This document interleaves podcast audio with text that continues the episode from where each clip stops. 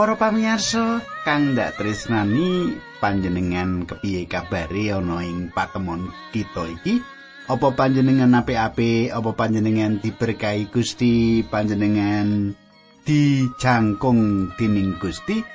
Mengkono pandongaku kanggo panjenengan sakeluarga supaya panjenengan tansah jinangkung dening Gusti lan binerkahan dening Gusti.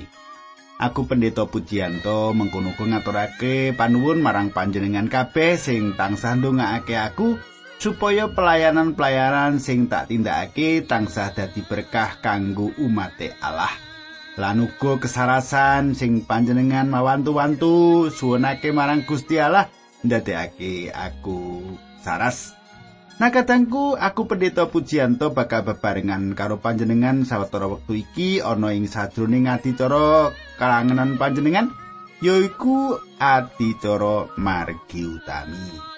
Nah kepiye apa panjenengan wis nyawisake kitab suci panjenengan sugeng mitangetake adicara iki.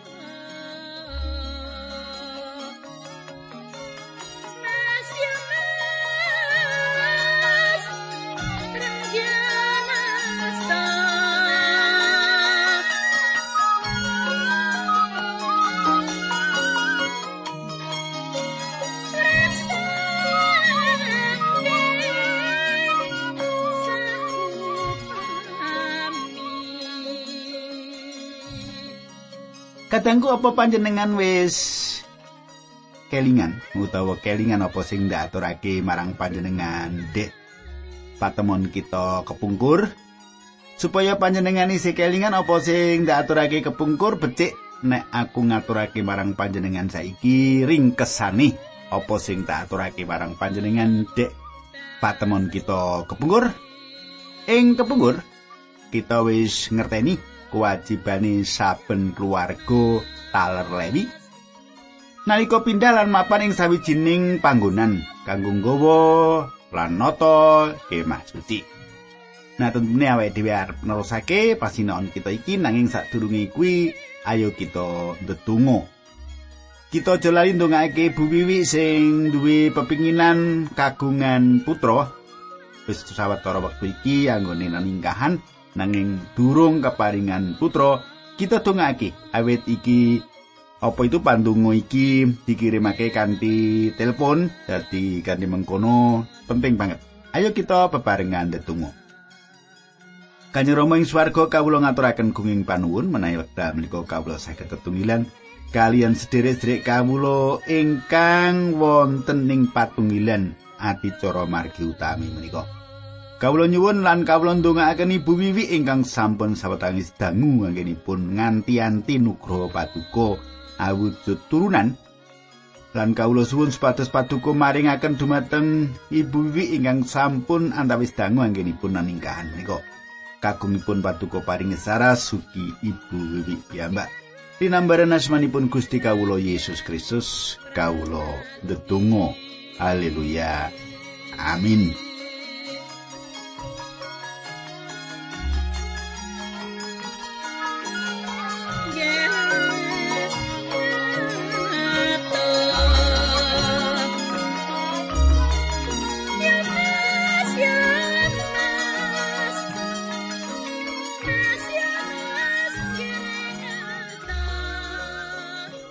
Para pamirsa, panggegilut kita pasinaon kita wis ngancik ing pasal 5 kitab bilangan. Nah, saka pasal 5 iki nganti pasal 8 bakal ngaturi andaran gegayutan karo kasucene kemah-kemah.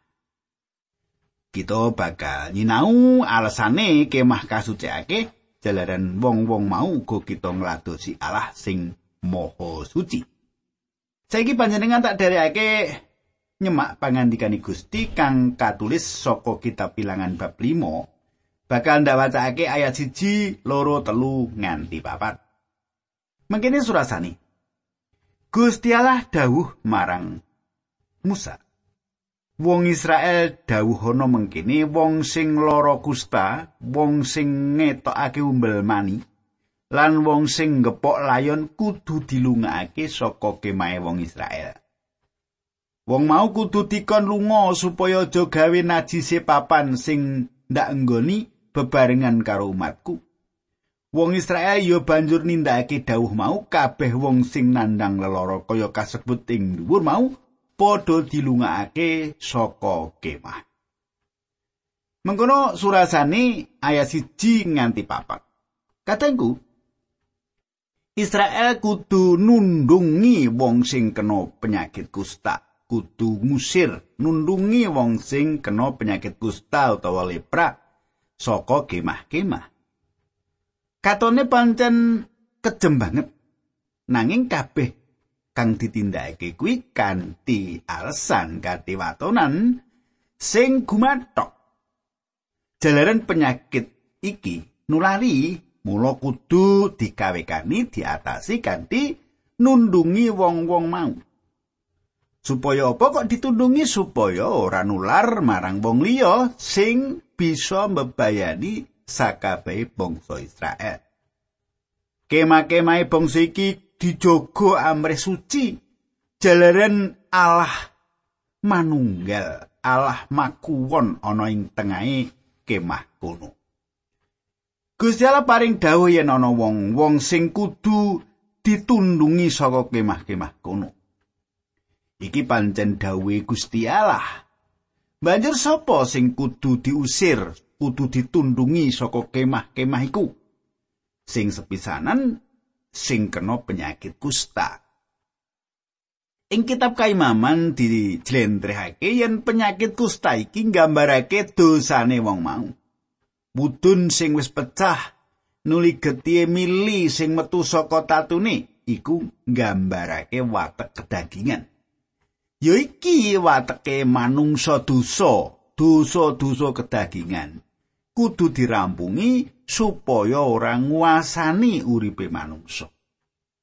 Cetoya iki ya dosa-dosa kedagingan sing nguasani panjenengan ya iku kudu diawekani diatasi ya supaya dosa-dosa mau aja nguasani uripe panjenengan pamane jenengan seneng main kartu seneng madon. Nah, iku aja ngantek kasenengan iki nguasani panjenengan ya.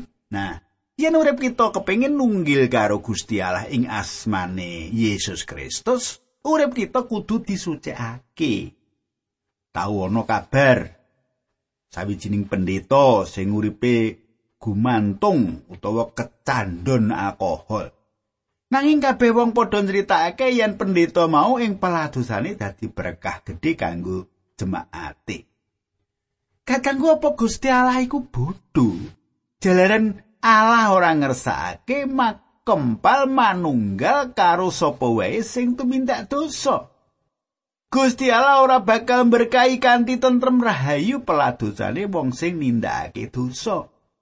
Ing wektu iki anane masalah utawa anane perkara sing ruwet, sing ganjel ndadekke memungsuhan, Jalaran apa? Jalaran wong-wong Kristen sing ora gelem ngrampungake dosane. Malah ana sawetara gereja sing etok-etok ora ngerti marang dosa-dosane anggota jemaate. Muga-muga gereja panjenengan ora ngono ya, ana sing dosa etok ora ngerti anu kok persembahane gedhe engko nek dicentok gek mutung. ora ngono ya. Nah, tak terus ke ing antarane bangsa Israel ing pangumbaran ana sing kudu diusir saka tengahe bangsa mau. Ing kitab Yosua diceritakake bangsa Israel tansah kalah nalika perang nglawan bangsa Ai. Terus kalah. Kenapa kok mengkono kadangku? Yosua ngerti yen akan nutupi dosane. Dosa ora perlu ditutup-tutupi. Dosa kudu digawa ing panggonan sing padhang, sing terang. sawiji cetha nuli dirampungake lan lagi bisa menang yen maju perang.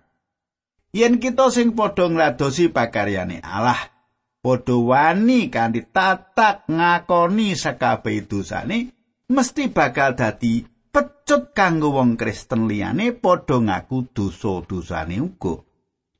Para pendeta, para penginjil, pelato sing kaum bapak lan kaum ibu, para guru sekolah minggu yen kabeh padha mertobat yen ana dosa sing didelikake roh Allah bakal mitulungi ing peladosane temah bakal ana kebangunan rohani ing peladosane para abdine Gusti iki dosa kedagingan kaya kahanan penyakit kusta iki Gusti Allah ora bakal berkahi kita panjenengan lan aku yen dosa kita ora dirampungake ngarsane Allah lan sepepadani. Saiki kita terusake wilangan 5 ayat 567 ya. Mengkene surasani. Gusti Allah maringake pernatan-pernatan marang Musa kangge bangsa Israel mengkene yen ana wong sing ora setya marang Allah lan gawe rugine pepadani. Wong mau kudu ngakoni salah lan ngijoli marang wong sing digawe tuna dipunjuli rong puluh persen. Kadangku, Lah yen iki apa-apa sing dipisrungke Sakyus kagem kaluhurane Gusti. Dadi nek digandengake karo Sakyus, iki cocok iki. Wong mau kudu ngakoni salah lan ngijuli marang wong sing digawe tuna dipunjuli rong puluh persen ya. Nah saiki Lukas bab 19 ayat 8 tak gandeng kirana ya. Sakyus nuli ngadeg coba ya. Sakyus masalah Sakyus iki ya. Sakius tuli ngadeg sarta matur marang Gusti Yesus Gusti, bondo kawula ingkang sepale badhe kawula sedekahaken dhateng tiang miskin lan sinten kemawon ingkang nate kawula apusi bandanipun badhe kawula wangsulaken tiga sekawan. Kadangku Sakius wis nindakake luwih saka paugeran hukume Nabi Musa. Panjen ganti rugi kudu ditindakake. Mula Mratobat ora cukup mung diucapake saka lambe, mung kondo, "Hmm, aku njaluk ngapura ya." Nah, sesambungane antara pribadi lan Allah ora bisa kelakon kanthi becik yen sesambungan antarane pribadi dan pribadi liyane ora diberesake luwih dhisik. Coba saiki panjenengan buka loro Korinta bab 7 ayat 10 ya. Loro Korinta bab 7 ayat 10. Awet sedih sing diagem dening Gusti Allah njalari pamratobat. Sing nuntun marang keselamatan tumrap perkara sing mengkono kita ora perlu getun kosok baline sedih sing sipate kadunyan kuwi sing njalari pati. Katangku akeh wong sing duweni panemu yen mratobat iku nangis sing nganti luwe dleweran ora sat utawa nangis kanthi swara sing banter du Gusti Allah. Sawise iku nglakoni meneh apa-apa sing nekake dosa mau, ya ora ana gunane, ya Nangis-nangis ning danganu nglakoni meneh dosa iku ya ora ana gunane. Bertobat iku ora kaya ngono kuwi. Ya, bertobat iku mulihake sesambungan lan nindakake ganti rugi marang pribadi sing dirugekake. Uga kudu ngakoni sekabeh dosa kita, dosa gedhe lan cilik ing ngarsane Allah. Nanging kudu dieling yen ana sabdane Gusti sing ngendikake mengkini. Coba panjenengan pidhangetake ungle pangandikan saka Injil Matius bab 13 nganti 24. Mulane yen kowe pinuju nyaosake pisungsungmu marang Gusti Allah, mongko kowe kelingan. Ana sedulur sing lara atine karo kowe pisungsungmu tinggalen ing sangareping mesbeh. Wong mau paranana. Rukuno dhisik karo dheweke yen wis banjur balya nyaosno pisungsungmu katanggo kang datrestan gagasan utawa pikiran umum yen wis nangis netesake loh banjur ketaban rasa andap asor wis dianggep kabeh wis rampung wis pulih kaya mauni iku sifat sedhiye donya ing Korintus. Mratobat sing mung kaya iku ora ana tegese apa-apa. Ana wong sing pinter sandiwara, nangise banter nganti luwe ludes tumetes. Nanging kelakuane ora ana owah-owahan. Ise tetep kaya sadurunge nindakake mratobat. Ora ana tanda-tanda ninggalake dosane. Ora ana tanda-tanda kepengin cedhak karo Allah. Uga ana pengganti rugi marang sing durugekake. Kahanan sing kaya ngene iki ora ana. owah-owahan rohani. Ayo, saiki tak derekake nyemak ayat 18 lan 19. Wong mau rambuté banjur diore lan ing tangane diselehi glepung sing arep disaosake mau. Mangkok sing isi banyu dicekeli dhewe dening imam. Sawise mengkono imam kudu ngucapake sumpah lan wong wadon mau dijaluki ngiyani sumpah. Imam kudu muni yen kowe ora lagu jina, kowe ora kena paukumane banyu iki. Katangku iki mau tak waca saka wilangan bab 5 ayat 12 nganti 19. Kepiye? Pangandikan iki manut pikiran kita, apa to kersane? Yen wanita mau suci katangku kudu dicelake. Tes sing ditindakake iki ana pengaruhi secara batin, secara psikologis, luwih-luwih tumrap sing pancen nglakoni kesalahan.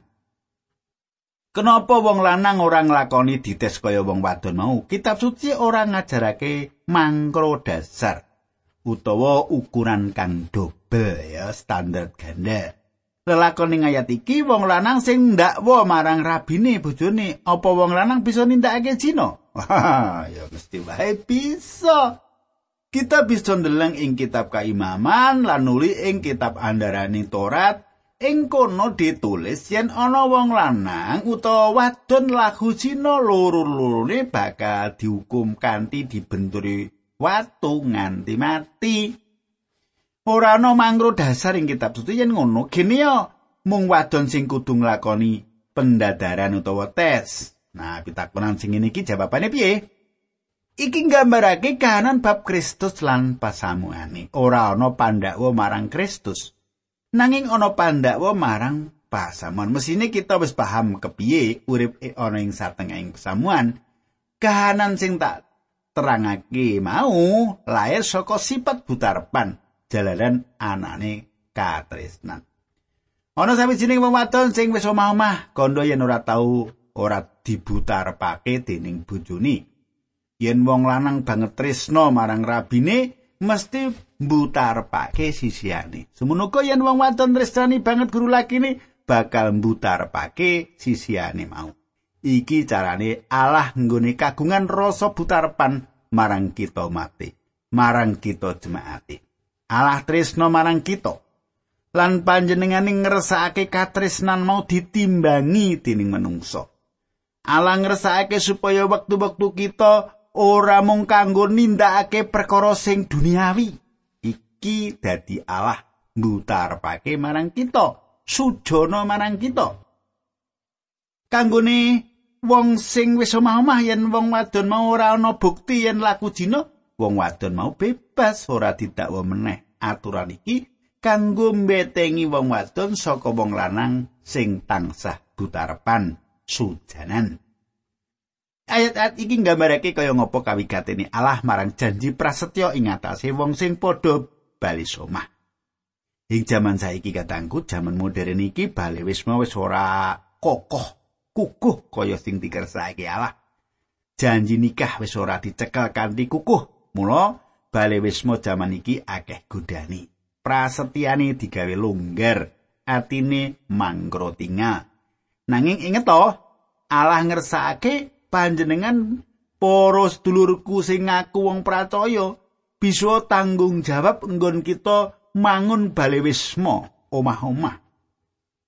Akeh kedadian sing nyedihake raja pati tindak kriminal jina lan sapanunggalane sing diwiwiti saka omahe saka keluargane lan kedadian miring sing ana iku jalaran janji nikah disepelekake. Kasetyan lan katresnan ora diugemi meneh. Allah ora bakal berkahi sawijining bangsa yen janji nikah wis ora diugemi maneh. Kita ngancik pasal 6 saka buku wilangan iki. Andarane ngenani janjine para nasir para wong sing pasrah urip kagem ngladosi Gusti. Iki nasar utawa janji ditindakake kanthi lilo legowo. Kepinginan dadi nasir iku bisa wae wong lanang lan uga bisa wae wong wadon. Bisa nemtokake wektu sing mligi utawa kanggo selawase urip. Allah ora dawuh marang sapa wae supaya dadi nasir iki kanthi lilo legawaning atine dhewe. Yen ana umate sing kepengin urip cedhak karo Gusti lan kepengin ngladosi pakaryane, keputusan iku diputusake kanthi karepe dhewe. Saiki coba ngancik wilangan 6 ayat loro lan telu tak wacake ya supaya maringake pernatan-pernatan marang bangsa Israel mengkene wong lanang utawa wong wadon sing lairake janji masrahake awake supas marang Allah dadi nasir ora kena ngombe omben-omben sing digawe saka wae anggur lan ora kena mangan woh anggur ya sing isih seger ya sing digaringake. Katangku, para wong sing nasar dadi nasir iki ana katetepan sing kudu ditindakake. Sepisan nasir ora kena ngombe anggur utawa inuman keras. Apa wae sing saka wit anggur dilarang. Iki ora ana sesambungane karo bab ngombe anggur iku salah apa bener. Kanggone dasar iman Kristen ora ana ndi sing becik lan ndi sing salah. Sing wigati saben sing kita tindakake kudu ngerti tujuan nggone nindakake samu barang mau. Apa nalika panjenengan nindakake mau kanthi dasar kepengin mulyakake Allah? Apa panjenengan kepengin dadi nasir? Apa panjenengan kepengin masrahake urip marang panjenengane? Banjur kepriye panemu kita? Mesine kita ora bakal menehi alasan warna-warna bab iku uga ora perlu digarisake salah apa bener sing wigati samu barang sing kita tindakake iku kagem kamulyane Kristus apa ora ing kitab suci anggur iku dadi lambange nikmate duniawi. Anggur mung kanggo nyenengake ati. Bab penting kanggo para nasir yen kepengin nemokake sukaranane ati pinangkani saka Allah. Sawetara wong-wong Kristen enggone entuk panglipur ora saka isine kitab suci utawa ing patunggalane Gusti Yesus. Nanging saka kahanan sing asipat kadonyan kahanan wong Kristen iki kaya patrape wanita sing leles. Njumputi nilas saka remukane roti sing tiba ing ngisore mejane Gusti. Aja kliru panompo ora ana sing salah yen kita padha pesta mangan bebarengan. Nanging nalika pesta ing omahe wong Kristen sing sejati, wong-wong mau mung entuk remukane panganan wae. Pancen ana wektu kanggo mangan, nuli ana bab-bab rohani sing dadi undrane wicara nuli maca kitab suci lan dijelasake sawetara banjur padha kembul mangan bebarengan. Sawise rampung nuli padha mulih, kabeh padha marem atine. ana pangan jasmani lan pangan rohani mung wong-wong mau sing etuk secuil berkah mung berkah kajasmanin bali suwung maneh atine nang endi to panggonane rahayu sing sejatiku? Apa panjenengan perlu doping saka kahanan donya iki kanggo nemokake karahayane rohani panjenengan? Apa panjenengan bisa ngalami gesang panjenengan kanthi marem mung sarana nindakake sabdane Gusti? Apa pandonga panjenengan ana dayane ing gesang panjenengan? Apa kita tau mikir lan batin yen kita iki dadi wong Kristen sejati, wong Kristen sing rohani, sing bisa dadi tulodo ing antarané sedulur Kristen liyane lan tangga teparo kita. Nuli ana daya sing bisa nularake kabecikan ing tengahe masyarakat. Serat sing kapindho Nasir ora kena nyukur rambuti. Coba panjenengan semak. bab 6 ayat 4 nganti 5 mengkene selawase dadi nasir ora kena mangan sarupaning panganan sing digawe saka anggur dadi wijine utawa kulite selawase dadi nasir wong mau ora kena ngetok utawa nyukur rambute nganti saentene wektune nggone masrahake awake sumaos marang Allah sajrone wektu mau rambute lan jenggote kudu dingu sak tukule kadangku Rasul Paulus uga nulis marang pesamaning Korinta mengkini. Coba panjenengan semak siji Korinta 11 ayat 14. Manut alami wae rak wis ketara yen wong lanang ngingu rambut dawa kuwi ngasorake derajat dewi. Katangku wong lanang sing ngingu dawa rambuté dianggep ngasorake awake dhewe. Wong lanang sing kaya ngono kuwi dadi rerasan lan dadi pangino ing ngarepe manungsa. Para nasir semono wani urip senadan disengiti dadi rerasan lan tahan nanggung kasangsaran jalaran asmane Gusti Yesus. Nasir lilo nanggung isine jalaran asmane Kristus. Rambuté sing dawa nandhakake yen sedya nanggung sengsara bebarengan karo kasangsarane Kristus. Mula ing kitab suci nulis Mazmur 12 ayat pitu Nanging kawula menika cacing sanes manungsa dipunece dening sok sinteno sarta dipun sepelekaken dening tiang sedaya. Sing katelu Nasir ora kena nyekel jasate wong mati. Iki ateges Nasir uripe disucikake kagem luhurake asmane Allah. Para pamirsa tak cukupi semene dhisik lan kita nutup kanthi pandonga nganti ketemu meneh ing dina candhake. Ayo kita ndedonga. Kanjeng Rama ing swarga kayektosan saking pangandikanipun Gusti sampun kula beberaken dhateng para pamirsa Sang Roh Suci piyambak ingkang njlentrehaken jelasaken kanthi cetha supados sedherek kawula menika mangertos menapa ingkang dados karsa paduka. Dinambaran asmanipun Gusti kawula Yesus Kristus kawula ndedonga haleluya amin.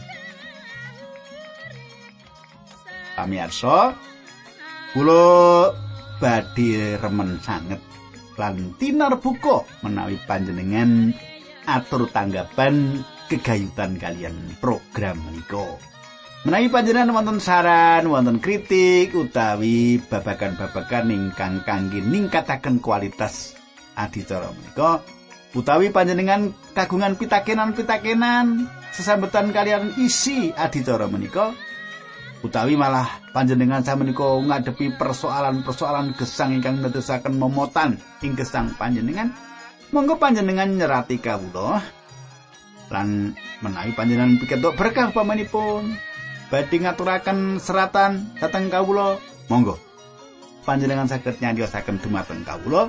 Lan kanthi binga kula batin nampi serat panjenengan lan balesi serat panjenengan nika nggih alamat kawula margi utami Tromol pos kali 61 batu 65302 Jawa Timur. Nggih. Margi utami Tromol pos kali 6 setunggal batu 6 gangsa 30 kali Jawa Timur. Menawi ngginakaken email nggih menika siaran at ltwr.org siaran at ltwr.org Tudunipun kula Pendeta Pujianto nyuwun pamit saking ngarsa panjenengan kepareng Gusti berkahi.